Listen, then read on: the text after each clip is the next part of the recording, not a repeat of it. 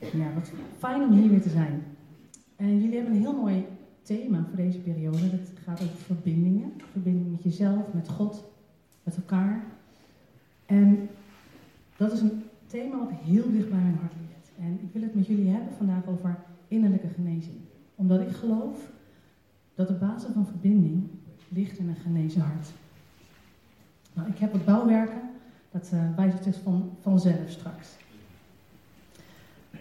Ieder mens wordt geboren met de behoefte, wezenlijke behoefte aan onvoorwaardelijke liefde, aan veiligheid, aan erkenning en bevestiging. Dat is een existentiële en hele wezenlijke behoefte. God heeft die behoefte in de mens gelegd. Hij is zo groot, deze behoefte, zo wezenlijk, dat als je geen liefde krijgt in je leven, dat je letterlijk dood kunt gaan. In de periode van 1950, toen ontstonden de eerste moderne weeshuizen. En toen was het advies aan de verpleegkundigen die de kinderen hielpen, um, om besmetting te voorkomen, raak ze maar niet aan. En um, nou, speel maar niet met ze. Later bleek uit onderzoek dat 40% van deze kinderen stierf aan ziekte. Terwijl van diezelfde leeftijd kinderen, maar die niet in weeshuizen hadden gezeten, maar gewoon in gezinnen, 1% stierf aan diezelfde ziekte. Dat zegt dus dat het een heel groot ding is of je aangeraakt wordt, of je lief gehad, hebt geworden, dat, je, dat er van je gehouden wordt. Dat is heel belangrijk, heel wezenlijk. Als dat niet gebeurt, als die behoefte niet vervuld wordt, ontstaat er een soort doodsangst. Dat heb je als kind niet door, maar dat gebeurt wel. Maar wanneer je gezien wordt, dan voel je je gesterkt, dan voel je je gekend. Dan weet je wie je bent en dan ben je oké met jezelf. En dan is die ander ook geen bedreiging, want als ik oké ben, dan is die ander ook oké. Dan is er geen bedreiging. En God heeft bedacht dat deze behoefte vervuld wordt in de setting van een gezin. Bij vader, moeder, soms broers en zussen.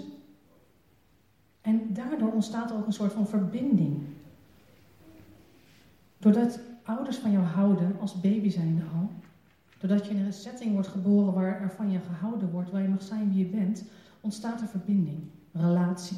En daarmee is verbinding een basiselement in ieders leven, een basisbehoefte. In de buik ervaren kinderen al of ze afgewezen worden, dat ze gekend worden, dat ze gewild zijn. En het is zo dat de eerste vier tot zes jaar van cruciaal belang zijn voor kinderen, voor de, de rest van hun leven. Als er in die periode grote schade wordt gebracht op dit gebied, dan heb je schade voor je leven lang. Ons eigen hart, dat klopt door ah, nou, ons hele systeem, dat werkt gewoon, dat functioneert gewoon. Maar als je hart niet meer goed functioneert, dan kan het zijn, tegenwoordig gelukkig, dat er een bijpas aangelegd wordt. Zodat je hart via een omweg wel blijft functioneren en dat je blijft leven. Wanneer jouw, jouw overdrachtelijke hart, jouw figuurlijke hart, wanneer die niet functioneert, omdat daar onvoldoende in die behoefte wordt voorzien, ga je ook een bijpas aanleggen, onbewust. En dat is de bijpas van waardering. En dan ga je leven op basis van waardering, want immers, je moet wel blijven leven. En het verschil tussen liefde en waardering is, liefde ontvang je, maar waardering verdien je. Dat is een heel ander ding. En zoals elk kind vanaf het begin af aan op zoek naar de glimlach van zijn ouders. Want daar immers wordt de vervulling gegeven van die onvoorwaardelijke liefde, die veiligheid en die erkenning, die bevestiging. Dan leven we allemaal in een gebroken wereld. En ook onze ouders hebben die schade al meegekregen. Die hebben al ondervonden dat we leven in een gebroken wereld. En met alle goede bedoelingen hebben zij toch ook een stukje schade doorgegeven aan ons. En dat is best heel verdrietig, want de meeste ouders hebben juist die goede bedoelingen. Ik denk zoals we hier zitten, hebben allemaal wel eten, drinken, kleding gehad. Maar dat wil niet zeggen dat onze ouders in staat zijn geweest om op een goede manier emotioneel beschikbaar te zijn.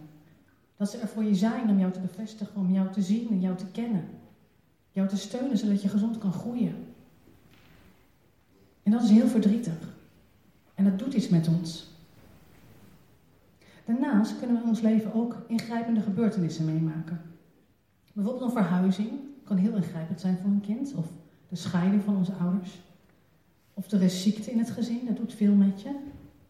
Maar het kan ook zijn dat je buitengesloten wordt, op school. Dat heeft allemaal impact. En dan kan het ook nog zijn dat je zoiets groots meemaakt waar je geen copingmechanisme voor hebt, zo noemen ze dat. Geen manier voor hebt om daarmee te dealen. En dan spreken we van een trauma. En dan denken we bijvoorbeeld aan misbruik. Maar een verhuizing kan ook heel traumatisch zijn voor een kind. Of buitengesloten worden, dat kan traumatisch zijn. Dat heeft grote effecten in je leven. En zo hebben we allemaal de sporen van deze gebroken wereld, die dragen we bij ons. Het tegenovergestelde van liefde, van onvoorwaardelijke liefde, is afwijzing. En afwijzing is eigenlijk de grootste pijn die er maar is. Bijna alles wat je meemaakt aan pijn en verdriet is terug te leiden naar afwijzing. En wanneer je dan onvoldoende deze onvoorwaardelijke liefde krijgt, deze bevestiging, deze erkenning, deze veiligheid, dan ga je als het ware een muur om je hart bouwen. Ik heb hier een muur gebouwd. En die uh, beschermt het hart. Want immers, je moet blijven leven. Dus je zet een muur voor je hart, om maar niet telkens die afwijzing te hoeven voelen. En die muur ziet er voor iedereen anders uit.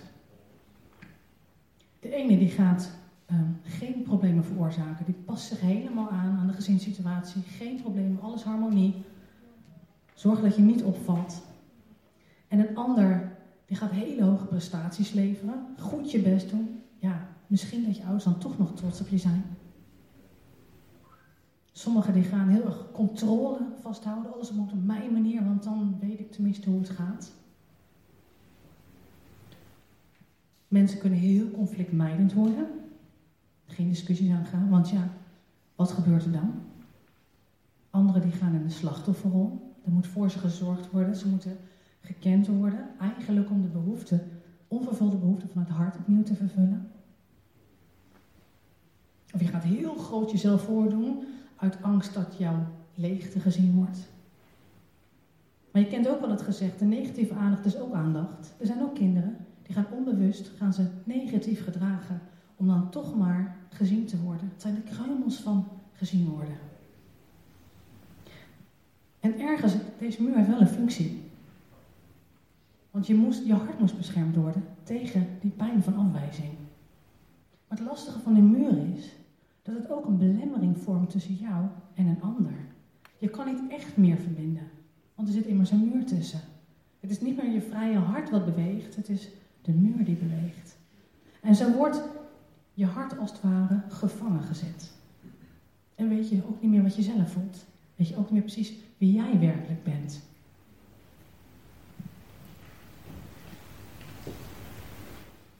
En deze muur, die kleurt jou, die kleurt als het ware de bril waarmee je gaat kijken. Hoe jij de, de werkelijkheid interpreteert, dat gaat, er gebeurt door die bril. Want die bril die zegt, ik ben niet goed genoeg. Ik denk dat ze tegen mij zijn. Mensen moeten mij niet. Oh, dat kan ik echt niet hoor. Dat red ik niet. Allemaal van dat soort gedachten ga je geloven over jezelf. En dat is ook hoe jij naar anderen gaat kijken. Hoe jij naar situaties gaat kijken. Dus de muur die kleurt de bril van je hart. Kijk of te blijven staan. Nee.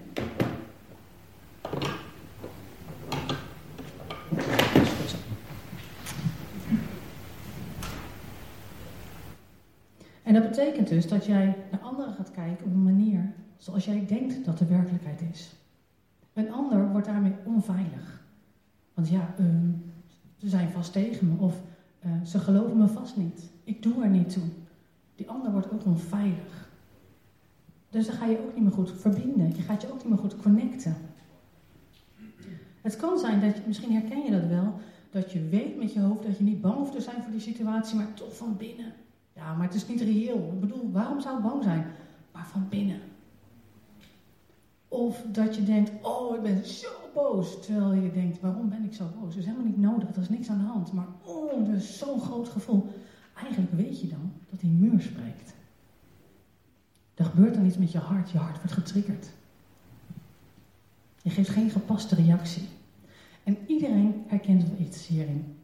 Er is niemand die dit niet op enige manier herkent. En het lastige is dat zo'n muur, die, wordt die, die is zo eigen, die kom je pas tegen. Hij wordt meestal gebouwd op jouw sterkte, op jouw kracht. Dus iemand die een zorgend karakter heeft, als die vanuit zijn muur reageert, gaat hij heel erg zorgen, maas pleasen, in de hoop gezien te worden. Je hebt ook mensen die zijn heel krachtig en heel veel ideeën als ze gezond zijn. Maar vanuit een muur gaan ze dan zich groot voordoen. Dus het is heel moeilijk om zo'n muur, om je hart te gaan herkennen. Hij is zo eigen en hij gaat al heel lang mee vaak. Maar er is wel goed nieuws, want er is genezing mogelijk. Het is mogelijk om te gaan ontdekken wie je bent zonder muur en om te leven zonder die muur. Zodat je weer in verbinding kan komen met anderen, met jezelf. 95% van de dingen die we doen zijn onbewust. Dat is echt heel veel. Maar alles wat onbewust is, daar kan je niks mee. Want je, immers, je weet het niet. En deze gedachte over jou, want ik doe er niet toe, ik ben niet goed genoeg, die ben je niet expres gaan geloven. Dat had een reden dat je dat bent gaan geloven. Het is heel eigen geworden. Maar 5% van wat we doen, dat is wel bewust. Dus wanneer we ons bewust worden van de muur om ons hart heen, van ons beschermingsmechanisme zoals we dat noemen, als we ons daar bewust van worden, kunnen we genezing vinden. Kunnen we leren dat, ja, voor toen had die situatie, had die muur wel zin, maar voor nu is dat niet meer zo. Ik ben wel veilig en ik doe er wel toe. Maar ja, voordat je zo'n muur herkent, meestal gebeurt dat pas als je vastloopt.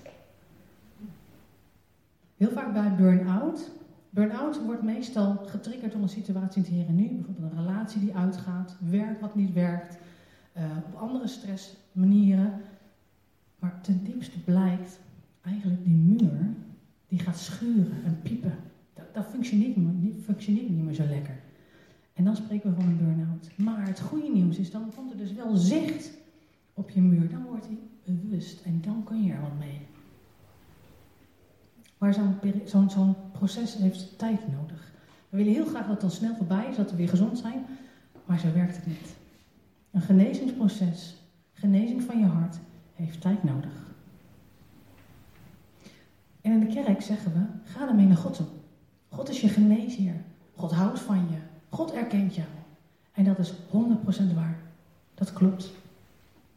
Maar wist je dat jouw godsbeeld gebaseerd is op de ervaring die je hebt met mensen die over jou gesteld zijn? Zoals je ouders, of grootouders als ze in de buurt waren en betrokken waren. Ooms en tantes, maar het kan ook zijn leerkrachten. Die hebben jouw beeld van God helpen vormen. Dus het klinkt heel makkelijk om naar God toe te gaan. Maar als het jouw godsbeeld niet overeenkomt met wie God werkelijk is, is het helemaal niet zo makkelijk. Misschien ken je wel het beeld dat God een boze oude man is. Of het gevoel van, nou, ehm, God ziet me aankomen. Ik, hij gaat me vast niet nog een keer vergeven. Of het idee, ja, ik moet, moet echt mijn best doen, veel Bijbel lezen, vaste dingen doen, want dan ziet God me. Dat is gebaseerd op een godsbeeld wat niet van God komt. Maar wat we zelf zijn gaan geloven. God kan dan zelfs heel onveilig zijn. Want als het thuis onveilig was, is God dan wel veilig? Kun je werkelijk onvoorwaardelijk naar hem toe gaan?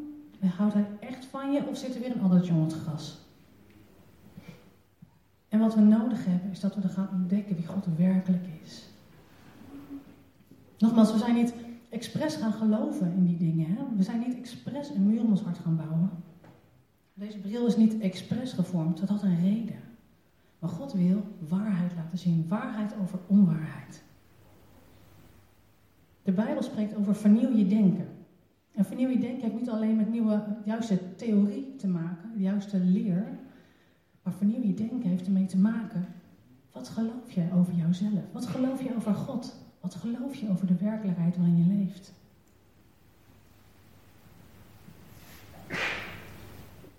God wil een beeld geven van wie hij werkelijk is. En God leeft verbonden. God heeft die behoefte aan verbinding, aan liefde, aan veiligheid in ons gelegd. God wandelt met Adem in de tuin. Met Israël zegt hij: Bouw een tent van mij, zodat ik in je midden kan wonen. Zodat ik me kan verbinden met jullie. En een verbond in die tijd was een overeenkomst tussen twee partijen waarbij afspraken werden gemaakt. En uh, dan zeiden ze eigenlijk: We staan voor elkaar in. En het kon een twee gelijkwaardige partijen zijn of twee ongelijkwaardige partijen, een sterke en een zwakke. En met Abraham maakt God een verbond. Met Israël maakt hij een verbond. En Jezus maakt met ons een verbond en bezegelt dat met zijn eigen leven. Dus het is geen impulsieve gedachte van God, van uh, die mensen, daar wil ik wel wat mee. Nee, vanaf het allereerste begin was dit het plan, dat God zich zou verbinden met je, met ons.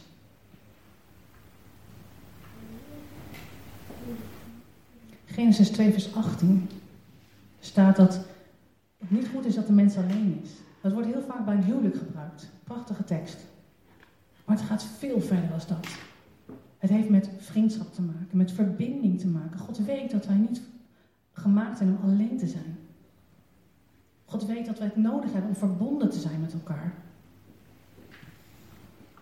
In 1 Korinthe 12, daar spreekt de Paulus over de gaven van de Heilige Geest. Heel mooi stuk. En als we dan bidden voor genezing, dan willen we dat die ziekte verdwijnt. Dat het been aangroeit. Dat die rug herstelt. Wat we dan doen is eigenlijk bidden voor een genezing, de wonder. Er wordt ook gesproken van gaven van genezingen. En een ander woord voor genezingen in de Bijbel is therapia. En therapia is een proces. Is niet instant, maar is een proces. God heeft bedoeld dat wij in de setting van een gezin liefde, veiligheid, erkenning zouden ervaren. God wist dat wij in een gebroken wereld zouden bewegen. En God gaf de gemeente als een vorm van gezin, als een vorm van familie. En hij zegt, ik geef je gaven. Ik werk door je heen, ik doe het, maar het is wel dat jullie het naar elkaar uitwerken. Dus ik bid voor jou en jij ziet om naar die. En jij hebt een woord voor die. Dus daarmee heeft God een verbindingsmogelijkheid gegeven. Maar door onze ervaringen, vanaf al heel jong is het best moeilijk om de setting van een gemeente te ervaren, om de verbinding binnen een gemeente te ervaren, omdat ons afsluit uit angst voor toch weer die afwijzing. Je de tweede uh, dia doen? Dankjewel. Dus er zijn vijf lijnen van verbinding in de Bijbel. En daar wil ik met jullie naar gaan kijken. Johannes 15, vers 9. Daar zegt Jezus, zoals de Vader mij lief gehad heeft, heb ik ook u lief gehad. God houdt van zichzelf. Hij houdt onvoorwaardelijk van zichzelf. Volmaakt houdt hij van zichzelf. Hij is helemaal oké met zichzelf. Dat is een dynamiek en een dimensie, die heb ik nog bij far niet gepakt, maar dat is wel wat het woord zegt. Dat is de eerste lijn. God houdt van zichzelf. En met diezelfde liefde houdt God ook van ons. Met dezelfde liefde dat de Vader van Jezus houdt en van de Heilige Geest en vice versa. Met die liefde houdt God van ons. Dat is de tweede lijn. En Matthäus 22 zegt Jezus: Heb de Heer uw God lief, met heel uw hart, met heel uw ziel en met heel uw verstand. Dat is het grootste en het eerste gebod. En het tweede eraan gelijk. Heb uw naaste lief als uzelf. Als we ontdekken dat God van ons houdt, hoeveel Hij van ons houdt, hoe groot Zijn liefde voor ons is, dan mogen we leren van Hem te gaan houden. Dat is de derde lijn.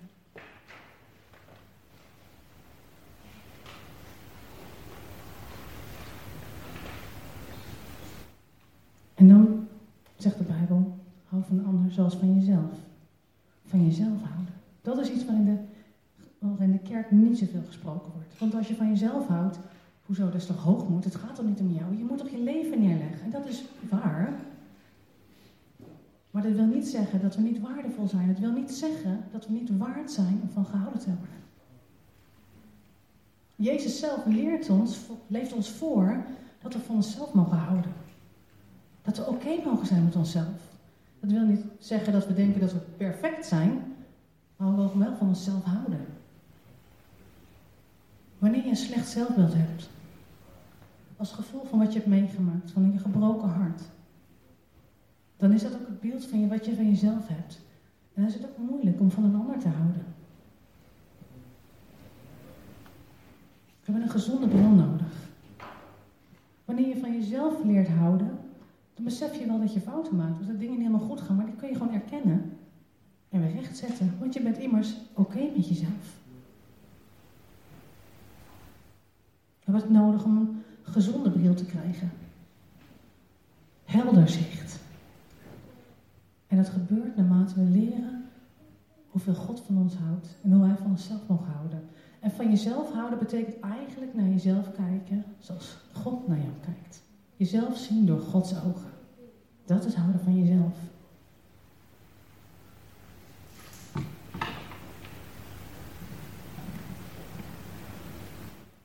In 1 Johannes 4 vers 18 staat, de liefde laat geen ruimte voor angst. Vermaakte liefde sluit angst uit, want angst veronderstelt straf. En iemand die angst kent, is de liefde niet tot volmaaktheid gekomen. Dat is een prachtige tekst en die gebruiken we best wel regelmatig, maar wat er eigenlijk staat is dat God met zijn onvoorwaardelijke liefde wil al jouw angst voor afwijzing wegdoen. Omdat hij zegt, ik hou van jou. Ik erken jou. Ik wijs jou niet af. En als dat besef groeit, dan groeit liefde in jou voor hem, maar ook voor jezelf en daarmee ook voor een ander. Want als je een gezonde bril hebt, dan zie je een ander ook veel gezonder. Dan zie je een ander niet vanuit jouw muur. Dat je denkt, ja, maar zometeen doet hij maar. Zometeen, mm, ik hou wel wat achter. Je leert, gewoon, je de ander ook zien zoals God die ander ziet. Je krijgt een veel gezonder beeld. En de derde dia, die zegt eigenlijk, het is eigenlijk een driehoek. God houdt van zichzelf. Met die liefde houdt hij van mij. Ik mag van God leren houden en van mijzelf leren houden. En daarmee kan ik van een ander houden in vrijheid, omdat ik geen bedreiging ervaar bij die ander. En als die ander dat ziet, dan denkt hij, wat is dit? En dan gaat hij God ook ontdekken. En dan gaat de driehoek als het ware gewoon weer opnieuw. Wanneer je gezonder wordt, dan ga je ontdekken wat je eigen grond is. Het is mijn eigen grond. Dat kan je niet zien misschien als je achterin zit. Het is mijn eigen grond. Hij is nog niet zo groot misschien. Maar ik begin wel te ontdekken, hé, hey, wie ben ik eigenlijk?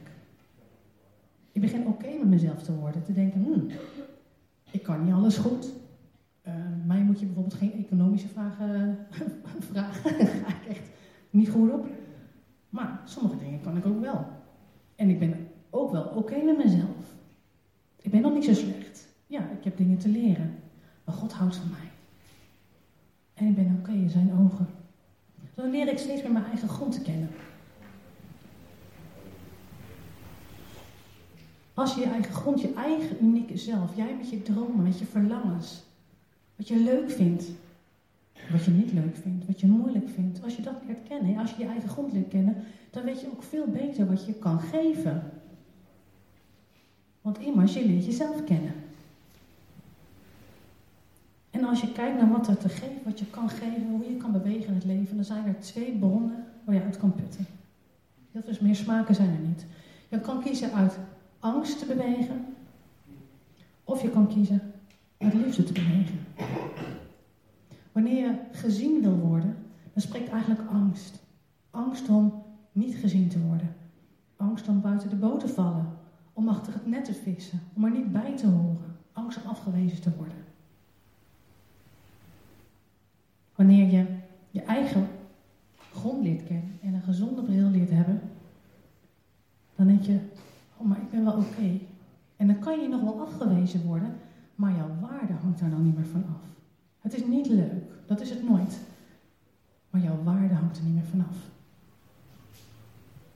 Maar angst bepaalt ook de, de bril, dus waarmee je kijkt, maar die bepaalt ook de definitie die je aan dingen geeft.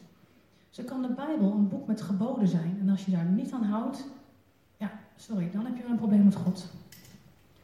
Maar de Bijbel kan ook een boek zijn waarin je Gods hart kan leren kennen. Hoe geweldig is dat? Uit angst zeg je, ja, ik geloof wel, want ik, anders ga ik niet naar de hemel.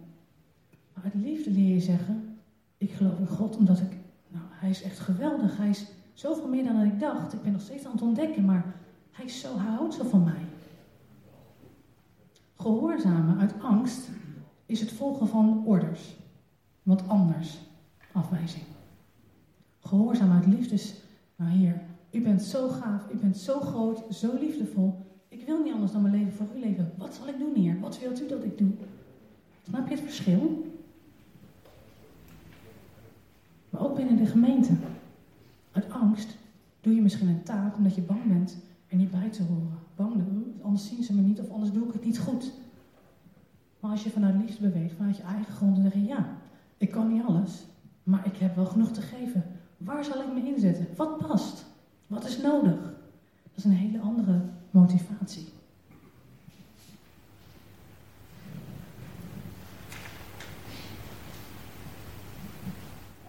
God geeft sleutels die invloed hebben op ons genezingsproces.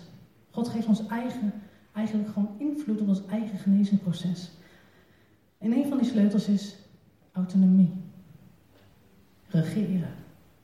Autonomie in de wereld wordt vaak gezegd, um, is onafhankelijk zijn, je eigen wetten bepalen, zelfstandig. Nou is er niks mis met zelfstandig.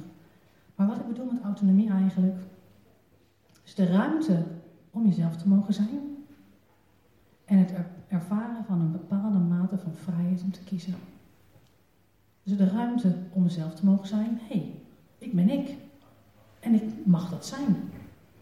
En het ervaren van een bepaalde mate van vrijheid om te kiezen. Ik heb keuzemogelijkheid. God heeft mij een keus gegeven. Wanneer je in een gezonde setting bent opgegroeid, dan heb je je mening leren vormen. Dan weet je wie je bent, wat je leuk vindt, wat je niet zo leuk vindt. Kun je je grenzen aangeven zonder bang te zijn voor afwijzing. Maar zoals we hier zitten, heeft bijna iedereen niet die volledig gezonde setting ervaren. En is het veel spannender om te kiezen. Soms ervaren we zelfs dat helemaal geen keuzevrijheid is. Angst zegt, er is geen keuze, het overkomt je. Het klopt dat de schade van ons hart kan beperken om te kiezen, dat klopt. Maar we hebben altijd een keus. We hebben altijd een keus. In traumabehandeling leren we ook dat jij hebt altijd een keuze om op te staan. Je hebt altijd een keuze om weg te gaan, om anders te kiezen, altijd. Maar dat is een bijbelse sleutel. God heeft die gegeven, want in Genesis zegt God al, ik wil dat je regeert. Ik geef jou een keuzevrijheid en ik wil dat je regeert. En met regeren hebben we invloed op ons eigen genezingsproces. Je kan kiezen om hulp te vragen, je kan het ook niet doen. Niet kiezen is ook een keus. Dus je hebt invloed. Een andere sleutel is vergeving. Wanneer je dan het proces aangaat om de muur van je hart te leren kennen. Om te denken, oké, waarom is mijn hart zo beschadigd? Waarom heb ik die muur? Hoe ziet die muur eruit? Dan kom je ook de mensen tegen die je pijn hebben gedaan. En dan ontstaat er een roep in je hart die zegt, er moet recht gedaan worden. Mensen moeten berouw hebben. En dat is een door God gegeven verlangen. Want weet je, God is een rechtvaardig God. Hij stelt, ik ga recht doen. Dus dat klopt dat je dat voelt. Er is niks mis mee. Maar in onze aardse setting gebeurt het niet heel vaak dat mensen berouw hebben. Het gebeurt niet heel vaak dat mensen naar je toe komen en zeggen: Joh, sorry, ik heb het helemaal verkeerd aangepakt. Soms zijn die mensen er niet eens meer. Hoe ga je er dan mee om? Als jij dan blijft wachten totdat die ander komt, dan zit jij vast in die gevangenis. Je mag wel boos zijn, hè? Boos zijn, de Bijbel zegt, word boos, maar zondig niet. We hoeven niet te zeggen dat het klopt wat er is gebeurd.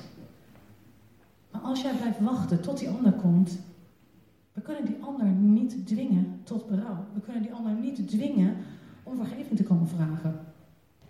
Wat we wel kunnen doen, is het recht van vergelding in handen geven van een hogere rechter. Jezus is de hogere rechter. Het recht van vergelding voor wat ons is aangedaan, kunnen wij in handen leggen van Jezus, van een hogere rechter. Maar angst zegt, ik ga niet vergeven, want mijn pijn wordt daar niet erkend. En dat snap ik. Maar we mogen gaan ontdekken dat Jezus wel onze pijn erkent. En als wij loslaten, dan stelt het ons in vrijheid. Vergeving is van jou afhankelijk, niet van die ander. Maar het is wel goed om te beseffen dat vergeven niet even een quick fix is. Vergeven is een proces wat vele lagen kent. En het kan zijn dat jij op een punt komt en je denkt: Oké, Heer, ik voel het niet. Ik, ben, ik heb zoveel pijn en eigenlijk ben ik ook boos en ik vertel het, vertel het u gewoon. Maar dat je zegt: Oké, maar ik kies wel om te vergeven. Want ik wil niet zelf vastzetten en ik wil ook die ander loslaten in het vertrouwen dat u recht zal doen. Hoef je niet te denken dat die ander kwaad gedaan wordt door God, ook al is die boosheid soms best wel begrijpelijk. Maar je laat die ander los en vertrouwt op God. En een tijdje later, dan kom je misschien die persoon weer tegen. Of in zo'n dergelijke situatie. Dan denk je, oh ja, daar gaan we weer hoor. En dan voel je dat weer zo sterk. En dan is het niet zo dat je niet vergeven hebt de eerste keer. Maar dan komt er een nieuwe laag. En dan kan je opnieuw kiezen. Oké heer, ik voel weer van alles. Ik word weer enorm geraakt. Maar ik kies ervoor om opnieuw om te vergeven en die ander los te laten. In vertrouwen dat u mijn pijn erkent dat u mijn hart geneest.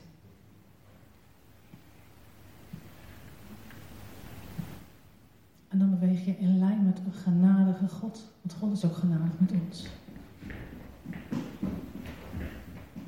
Waarom is het belangrijk dat wij weten van innerlijke genezing? Nou, allereerst is het heel fijn om gezond te worden.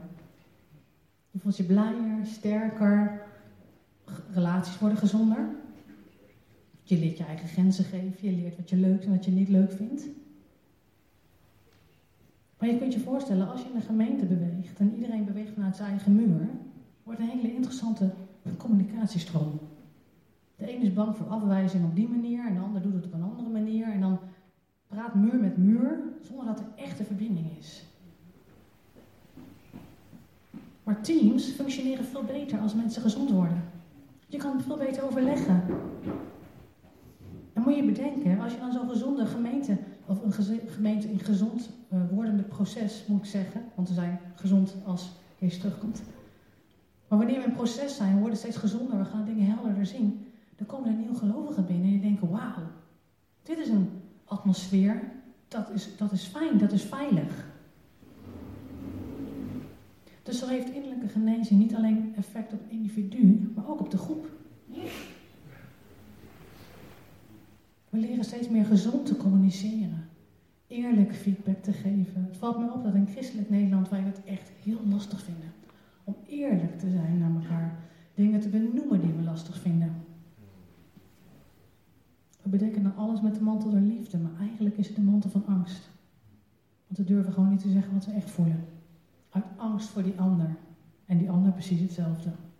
En dan praat je dus van muur tot muur.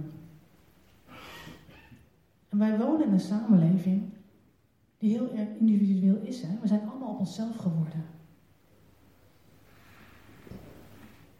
We vinden het wel belangrijk om te ontplooien, hè? de zelfverwezenlijking waar ik het vorige keer over had.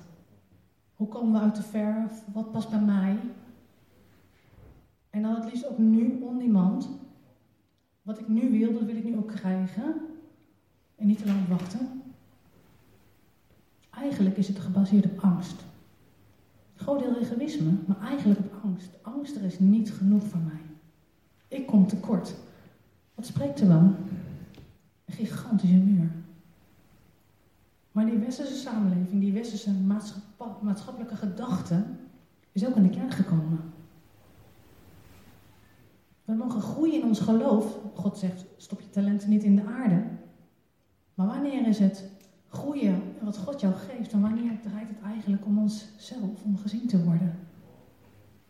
Het is geweldig als God door jou een woord van kennis of een profetisch woord heeft voor een ander. Dat is echt super. Maar heel eerlijk, soms is het vooral een bevestiging dat God ons ziet. En gaat het niet zo om die ander, maar het gevoel dat God door jou heen werkt, geeft jouw bevestiging dat God jou ziet. En dan spreekt er niet een gezond eigen grond iemand, maar eigenlijk nog een stukje muur.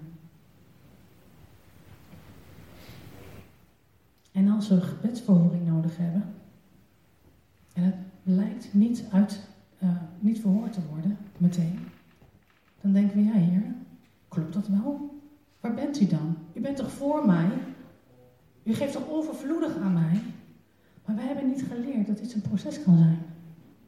Dat leert de samenleving ook niet en dat is toch ook in ons gedachten gekomen. Genezing is een proces. Dingen hebben tijd nodig. Een boom groeit niet in één keer zo. Het groeit in jaren. Dan kan genezing sneller gaan in jaren, gelukkig, maar soms heb je toch wel jaren nodig. Er kan aanstoot in je hart komen. Aanstoot naar God. Hier, waar blijft u nou? U was toch voor me? En dan gaat je hart een stukje dicht. Nou, ik weet niet of God er nog wel echt is. En dan gaat eigenlijk die oude muur, dat God speelt van nou, God is niet echt voor mij. Voor anderen wel, maar niet voor mij. Dat gaat dan spreken. We hebben het nodig dat we dat onderscheiden. Door een gezond beeld van wie God werkelijk is. En wie wij zijn. En dan leren we, dan ontdekken we, en dat ontdek ik zelf ook, dat we God veel beter leren kennen door het proces heen. Er zit, er zit zoveel waarde van het proces van genezing. Als God alles in één keer zou fixen, dan was, dan was het er. Maar wat doet het met je hart als je door het proces heen gaat, als het niet gaat zoals jij wil en als je het niet snapt, maar God, u bent groter, u bent meer. Hoe, hoe werkt dit hier? Waar bent u dan?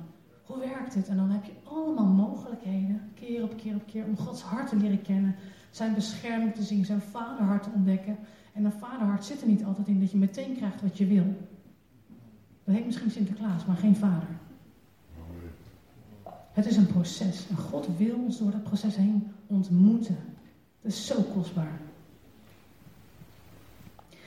En omdat wij als mens bestaan uit geest, ziel en lichaam, heeft het ook allemaal invloed op elkaar.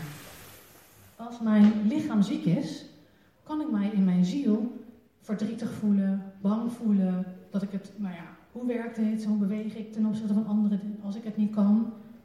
Maar het heeft ook invloed op mijn geest. Heer, waar blijft u? Hoe werkt het als ik ziek ben? Houdt u dan nog steeds van mij? Ben ik nog waardevol in uw ogen? En andersom ook. Als ik gekwetst ben, als ik pijn in mijn hart heb, dan kan mijn lichaam gaan reageren. Met allerlei klachten, misschien ken je dat wel. Maar ook je geest kan dan denken, nou heer, is dat wat u me waard vindt? Al deze drie gebieden hebben aandacht nodig. En het proces naar gezonder worden, naar een gezondere bril krijgen, leren we ook te ontdekken wanneer hebben we dan bevrijding nodig, geestelijk. Wanneer heeft onze ziel een proces nodig?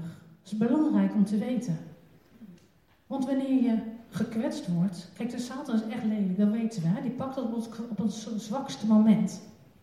En bijvoorbeeld met een macht van angst wilde je gevangen zetten. Zo'n macht van angst, je kan praten, praten, praten, maar met één woord is die macht verdwenen. In Jezus' naam. Maar aan de andere kant kan het ook zijn dat zo iemand zoveel onveiligheid heeft gehad in zijn leven, zoveel angst heeft opgedaan, die heeft gewoon een tijd nodig. Van veilig leren worden met zichzelf, met anderen. En dan kan je bidden voor bevrijding, maar ik heb letterlijk gezien dat mensen daar nog meer door getraumatiseerd worden. Je hebt onderscheid nodig.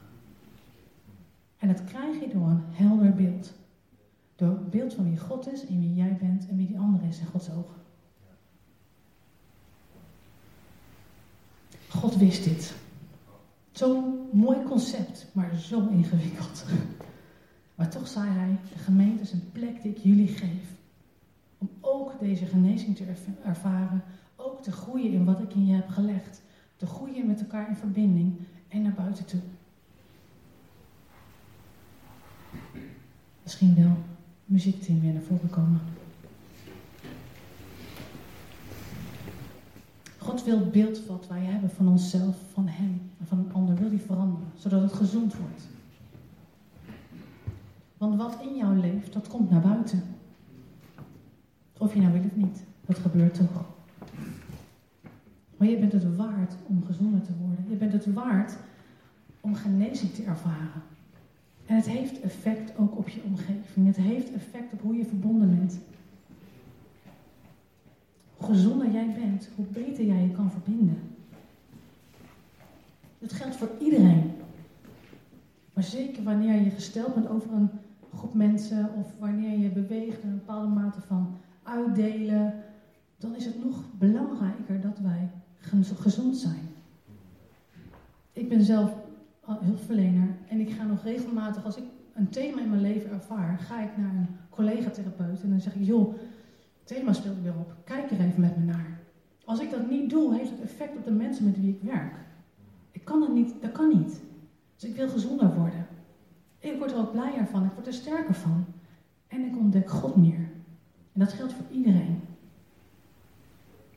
Het is geen schande meer pijn aan te kijken. Het is het echte leven. Maar bovenal is het belangrijk om te kijken, hoe is mijn relatie met God? Hoe kijk ik naar God? Wat is mijn godsbeeld? Mag nog eens gastspeler.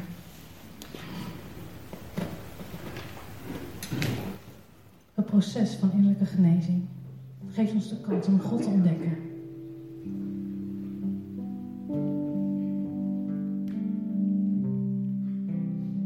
Loop je misschien met een situatie in je hart waar je naar God ervaart, Heer, waar bent u dan? Er is een stukje aanstoot in je hart naar God gekomen. Of heb je een heel groot geheim?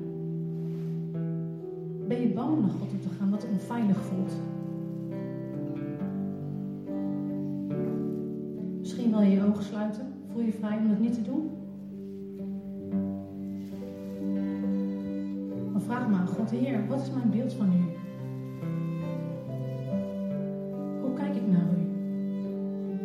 Het wel? Hoe ik denk dat u bent? Wilt u me laten zien wie u werkelijk bent? Wilt u in mij een proces starten? Dat ik gezond beeld krijg van u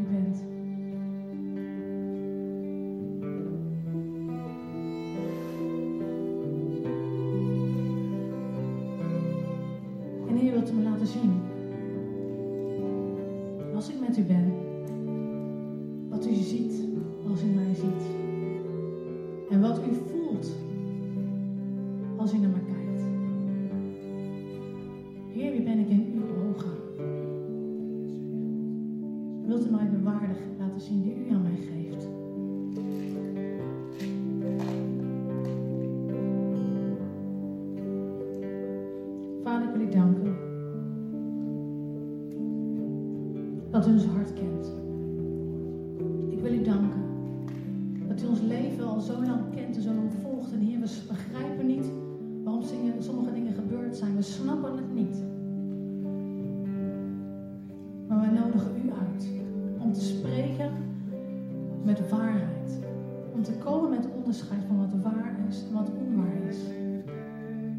Heer, wilt u zicht geven op de muren om ons hart, Heer. Wilt u ons zicht geven op de bril waar we mee zijn gaan kijken. En wilt u onderscheid gaan geven. Waar is het waar en waar is het onwaar? Wilt u ons bekrachtigen in wie u ons gemaakt ons genezen in waardige muren hebt gebouwd. Leer ons bewegen, Heer. Vanuit onze eigen grond zoals u ons gemaakt heeft, u ons bedacht heeft, Heer. Zodat we in verbinding met u kunnen staan. Echte verbinding. Hartsverbinding, Heer. En ook met onszelf. Neem de sluiers weg, Heer. Zodat we werkelijk zicht krijgen op hoe u ons ziet en hoe wij een ander mogen zien, Heer. Proces van genezing. Wat u verder gaat uitwerken in ons leven. Dank u voor hulpbronnen die u gaat geven. En mensen om ons heen. Help ons de sleutels te gebruiken, om te kiezen. En ook om te vergeven. Dank u dat u ons erkent. En wie we werkelijk zijn en wat we hebben meegemaakt. En dat u verder met ons gaat. In Jezus' naam.